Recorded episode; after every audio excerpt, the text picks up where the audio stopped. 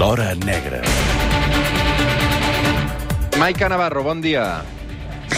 Bon dia, Roger Escapa. Mira, acabo de rebre un, un WhatsApp de la Maica Navarro que m'ha enviat una, un vídeo fantàstic. Uh, el poso, eh, Maica? El poso jo amb el meu mòbil. Jo crec que se sentirà.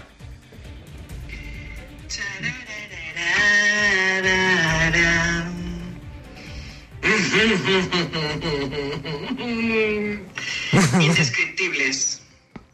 Això que diu que són indescriptibles són um, les, les mandonguilles, les pilotes de Maica Navarro, que suposo que com que, com que avui hem fet una portada uh, parlant, parlant també de tot el merder que hi havia amb el pobre Miquel Montoro, perquè ha dit que, que a partir d'ara es farà uh, youtuber en castellà, i hem fet una portada dient menuda sorpresa, albòndigues, estan muy ricas, me encanten, uh, ha coincidit amb que la Maica Navarro suposo que ahir va fer mandonguilles, Maica.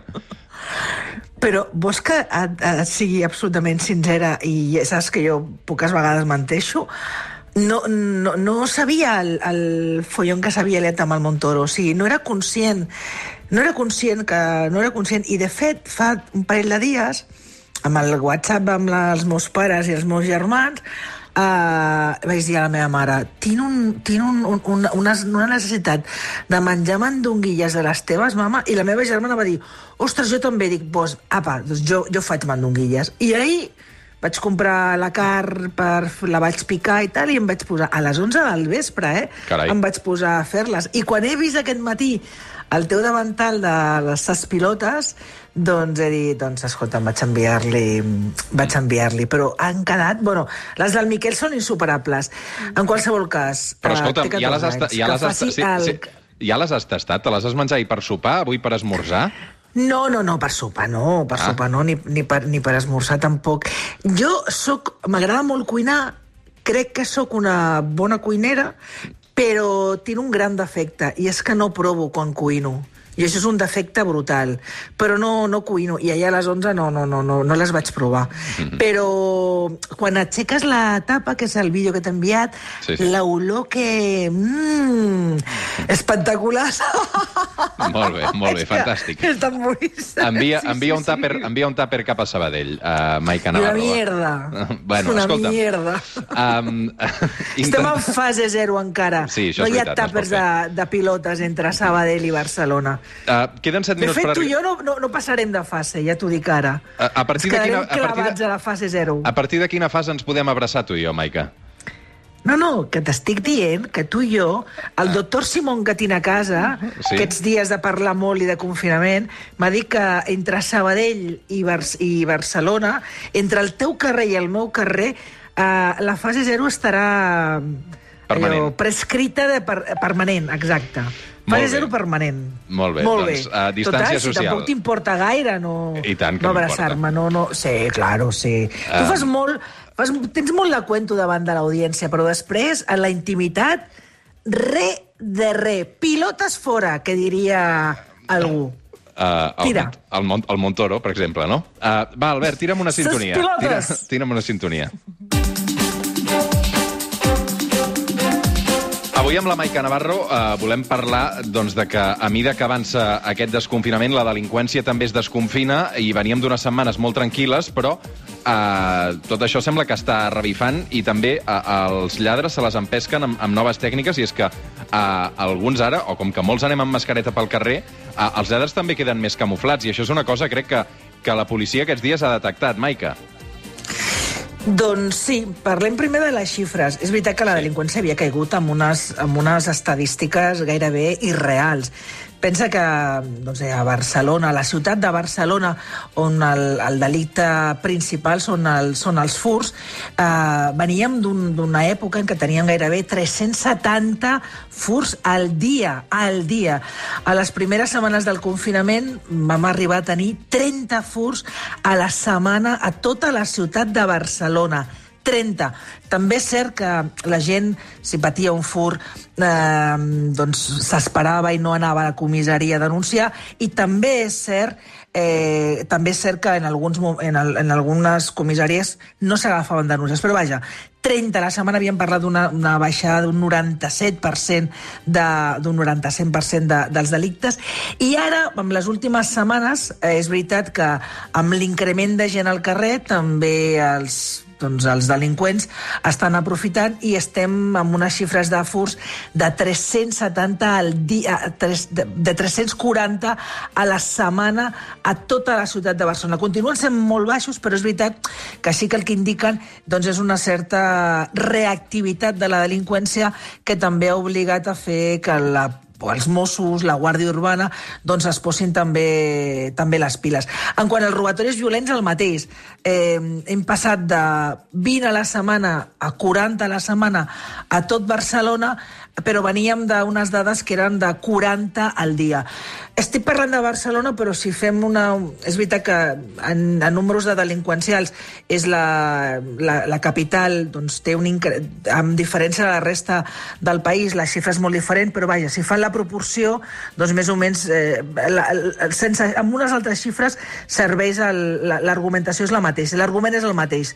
Un increment, a poc a poc, a mesura que la gent va reconquerint els carrers, doncs els delinqüents que les primeres setmanes estaven obligatòriament confinats, doncs una mica s'han començat a, a, a preparar. I com deies, sí que el que hi ha hagut, i això ho, ho estan veient els Mossos d'Esquadra, és que des del primer que van detenir, que era una parella de, de xilens organitzats, especialitzats en el robatori eh, en força amb domicilis, que són els, van ser els primers. Els van detenir a, a Sant Cugat amb, amb, amb mascaretes per robar, doncs eh, fins des d'aquell moment tot gairebé la gran majoria dels lladres i delinqüents que s'han anat detenint o que les càmeres de vigilància han enregistrat estaven tots amb, amb, amb, amb la mascareta. Explica'm un cas eh... molt concret de, de, de, en aquest cas, la botiga de Samsung de la maquinista. Maica, què ha passat exactament? Perquè és bastant sorprenent, sí. no? Sí, la, la maquinista, com els grans, tots els grans centres comercials, estan tancats, però mantenen un mínim eh, equip de seguretat privada. Doncs un grup de, de delinqüents eren unes sis, sis persones, van arribar amb un cotxe i es van concedir introduir-se dins de, de l'espai i van forçar, van trencar la, les portes de la, una de les botigues que de telefonia mòbil, la Samsung, i van, van, van arrambar amb tot. De fet, quan els, els vigilants de seguretat es van, es van encarar per fer front, es van defensar amb, el, amb els extintors de la botiga que, que van obrir. Aquests anaven no només amb el tapaboques, no només amb la mascareta quirúrgica blanca, sinó que anaven amb uns monos blancs completament tapats. I semblava molt doncs, eh, els protagonistes de la Casa de Paper que van amb, la, amb els monos vermells, però aquests eren doncs, com aquests epis, però no epis als professionals, sinó, saps aquests monos blancs sí, que fan servir sí, de plàstic? Sí, sí, sí. Els, no sé, la policia científica de Mossos per no contaminar mm -hmm. els escenaris, doncs igual. Doncs tots sis anaven aquesta, amb aquesta pinta, van entrar a la botiga i van, i van arrasar amb tots els telèfons que van, que van poder. Per Clar, tant, alerta, alerta, alerta amb els lladres eh, disfressats de sanitaris o, o, o, o, de, o de personatges similars. Escolta'm, els han pogut identificar la policia aquests o no? Impossible. I això que les científiques van dur dos extintors i alguns mòbils que havien perdut pel camí quan van fugir amb un, de, uh, amb un vehicle que van abandonar al costat de, de Sant Adrià del Besòs, amb un carrer de Bon Pastor, perquè anàvem amb guants, la cara coberta amb, el, amb la mascareta. Home, a vegades eh, és veritat que els delinqüents ja intenten tapar-se, ja ho saben que hi ha càmeres. Per cert, una novetat que avui explica el Ramon Sunyer a La Vanguardia. Eh, abans de, de tota la crisi sanitària, l'Ajuntament de Barcelona ja havia manifestat el seu desig d'instal·lar 16 càmeres de videovigilància de molta alta definició per ajudar els investigadors a resoldre delictes. Doncs tot i la pandèmia i el cost, que són gairebé 179 milions d'euros, no, 179.000 euros, eh, finalment s'han licitat i en els propers mesos hi haurà aquestes càmeres que estaran al Passeig de Gràcia i, i per Olímpic per, doncs, dic, per, per dissuadir aquests, uh, aquests furs. Ells saben que, que han de tapar-se la boca, però és veritat que de tant en tant se n'obliden i de tant en tant encara hi han delictes que es poden resoldre gràcies a la identificació facial. Però en l'època de mascaretes això serà molt més complicat, perquè serà molt més complicat. S'han de recórrer prendes de doncs, la roba que vesteixen, eh, però sempre hi ha una manera d'identificar-los, sempre, sempre mm. la policia troba la manera. Mm. Maica, ràpidament, perquè tinc el Jordi Puntí que m'està esperant. Uh, aquestes setmanes també on? hem començat... Per anar a on? No, per, per, per explicar-me, um, per relacionar-me llibres i música. Uh, ah, molt bé però espera't un moment, perquè et vull preguntar per uh, les operacions antidroga que estem veient aquests dies a gran escala. N'hem parlat d'alguna, però és que aquesta setmana sí. uh, hi ha hagut una plantació enorme de marihuana que s'ha trobat a, a Granollers i és de les més grans um, que s'han trobat a Catalunya aquest any, no?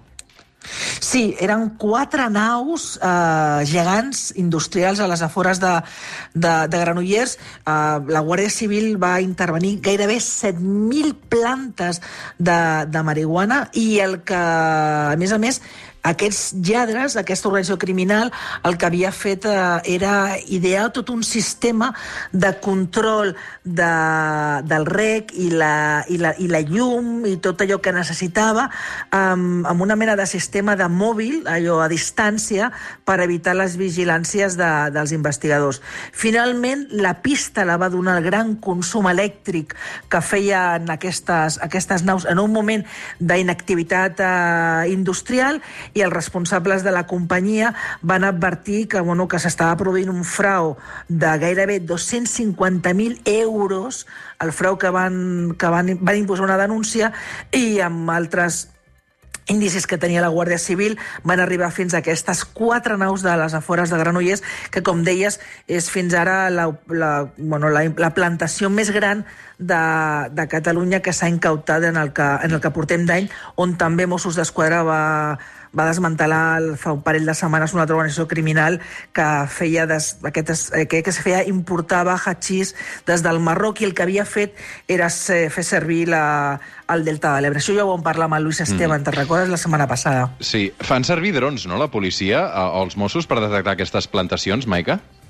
Sí, la, sí la, els Mossos, també la Policia Nacional i la Guàrdia Civil eh, ha fet servir de, de drons, sobretot per intentar detectar les plantacions de marihuana que estan dins d'altres cultius, sí, els que estan a l'exterior, i que estan amagades dins d'altres cultius agrícoles, perquè el que fan és, um, en l'interior de grans extensions de cultius, doncs clar, l'única manera que tens de visualitzar-lo és des de l'aire, i estan fent servir, estan fent servir drons. Sí, sí, sí, sí.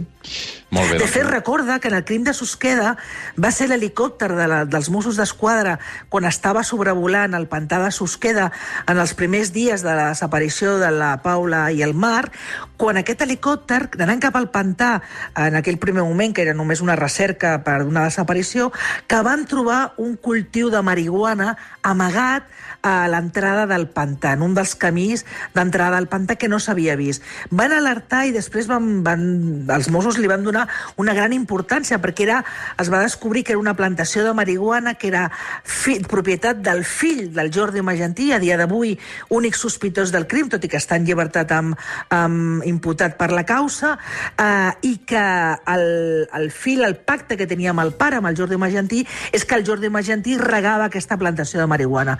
Els Mossos sempre han, han defensat que el Jordi Magentí aquell dia estava al pantà perquè havia anat a regar i a vigilar i a controlar la plantació del fill, per això portava l'arma de foc i per això estava en aquell pantà. En fi, i aquesta plantació de marihuana, que mai s'havia vist des de, des de terra, la va localitzar aquest Alèlix, un dels helicòpters de Mossos, sobrevolant el pantà, anant cap al pantà, de fet, eh, quan a buscar eh, en aquelles primeres tasques de que quan encara es pensava que el Mar i la Paula podien estar perduts i no tristament amb aquell final que, que va ser trobat eh, al fons del pantà un mes després.